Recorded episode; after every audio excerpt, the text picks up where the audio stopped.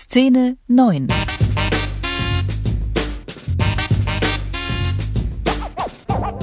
Kasper oder wie ich meine Post bekomme.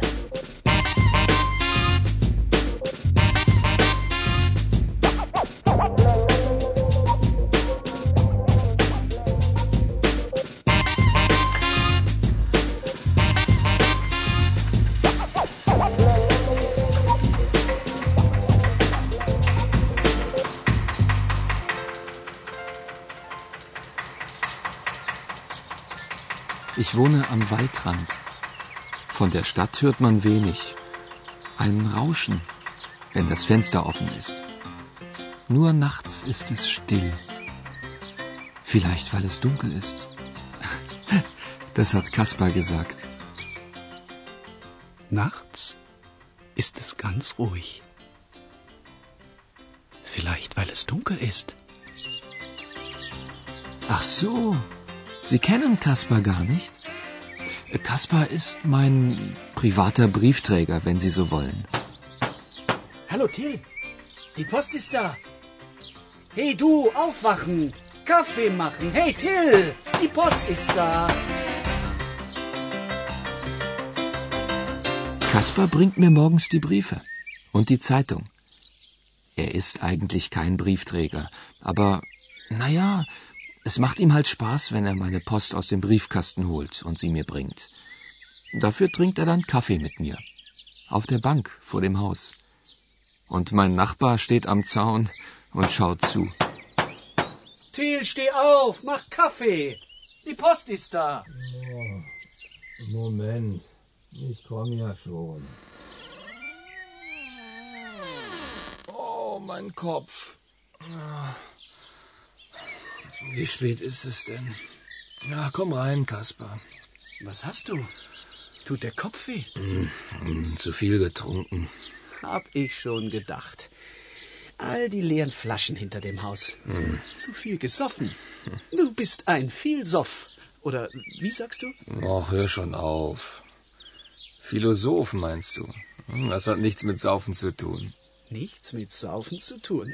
Womit hat es denn zu tun? Mm, Mit. äh, Na, mit Philosophie eben.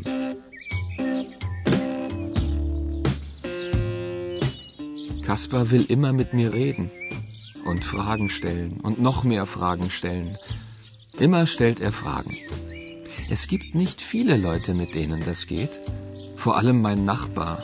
Mit dem geht das überhaupt nicht. Mein Nachbar. Kaspar ist nicht ganz richtig im Kopf, hat mein Nachbar gesagt. Der ist nicht ganz richtig im Kopf. Der Kasper.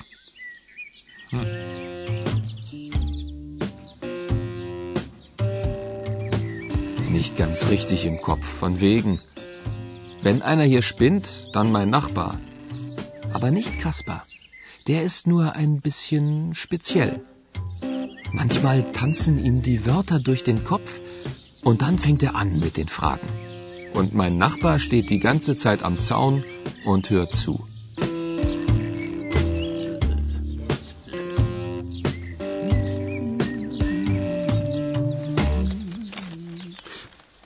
Bist du fertig, Till? Mhm.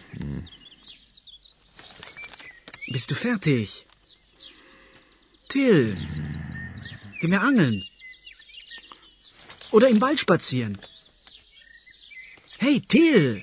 Till! Oh, nicht so laut, bitte. Du weißt doch meinen Kopf.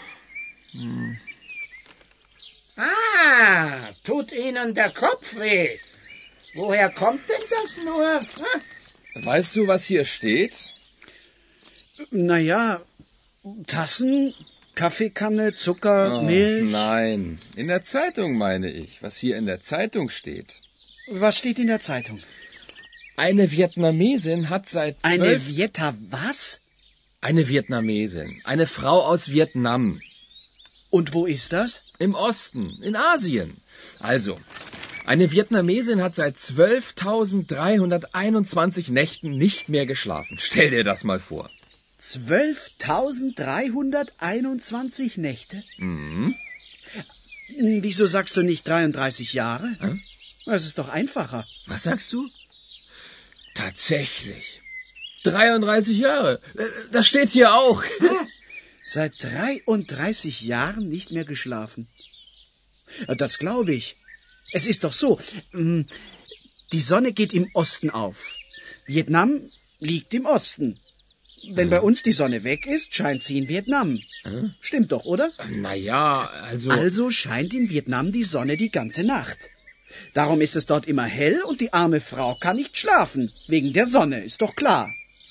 So ein Blödsinn. Die Sonne scheint nirgends in der Nacht. Auch in Vietnam geht die Sonne in der Nacht unter. Dann ist es dort auch dunkel. Das ist ja nicht ganz richtig im Kopf, der Kaspar mit dem Blödsinn.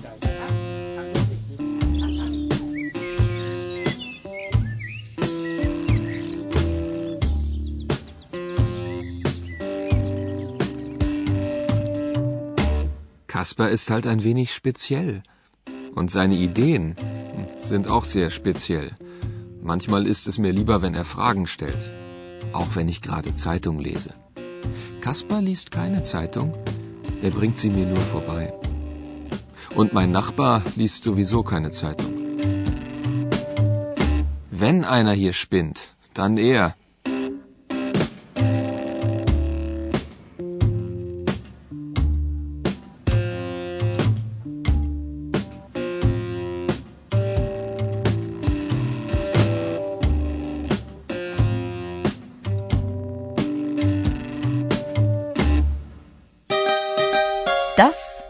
Das Spiel. Jetzt sind Sie dran. Bitte sprechen Sie nach.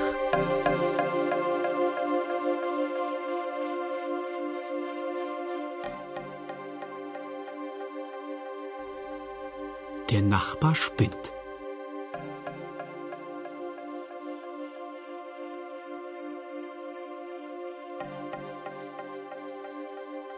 Der ist nicht ganz richtig im Kopf.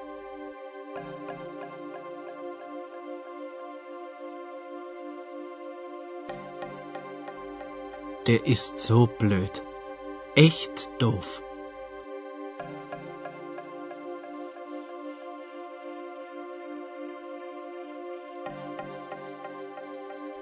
Der Kasper spinnt nicht.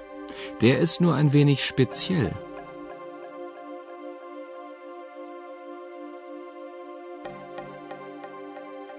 Er stellt einfach viele Fragen.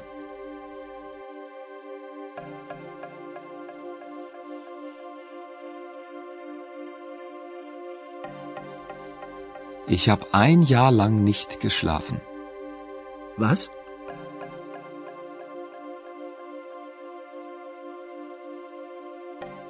Ja, ich habe zwölf Monate nicht geschlafen. Wie bitte?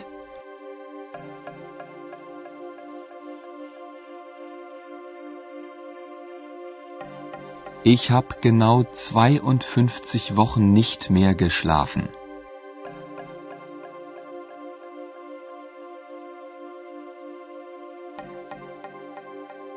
Und wie viele Tage sind das?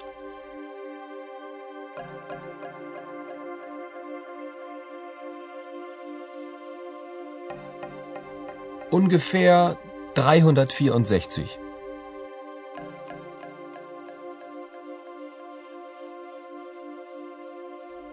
Aha, ich hab's. Die Frau kann wegen der Sonne nicht schlafen.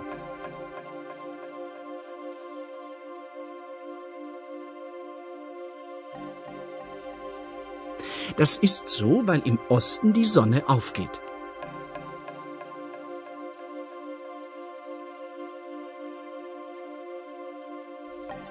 Es ist doch so. Im Osten geht die Sonne auf.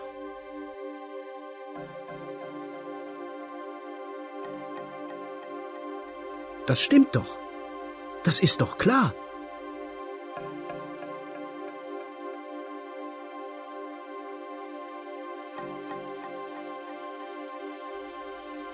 So ein Blödsinn.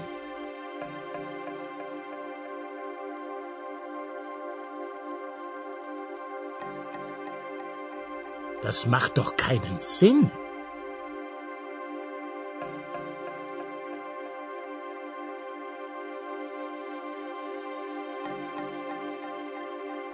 Das ist doch Unsinn.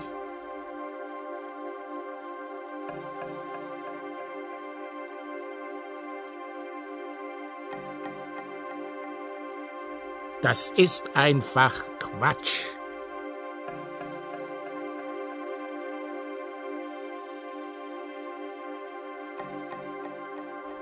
Schrott.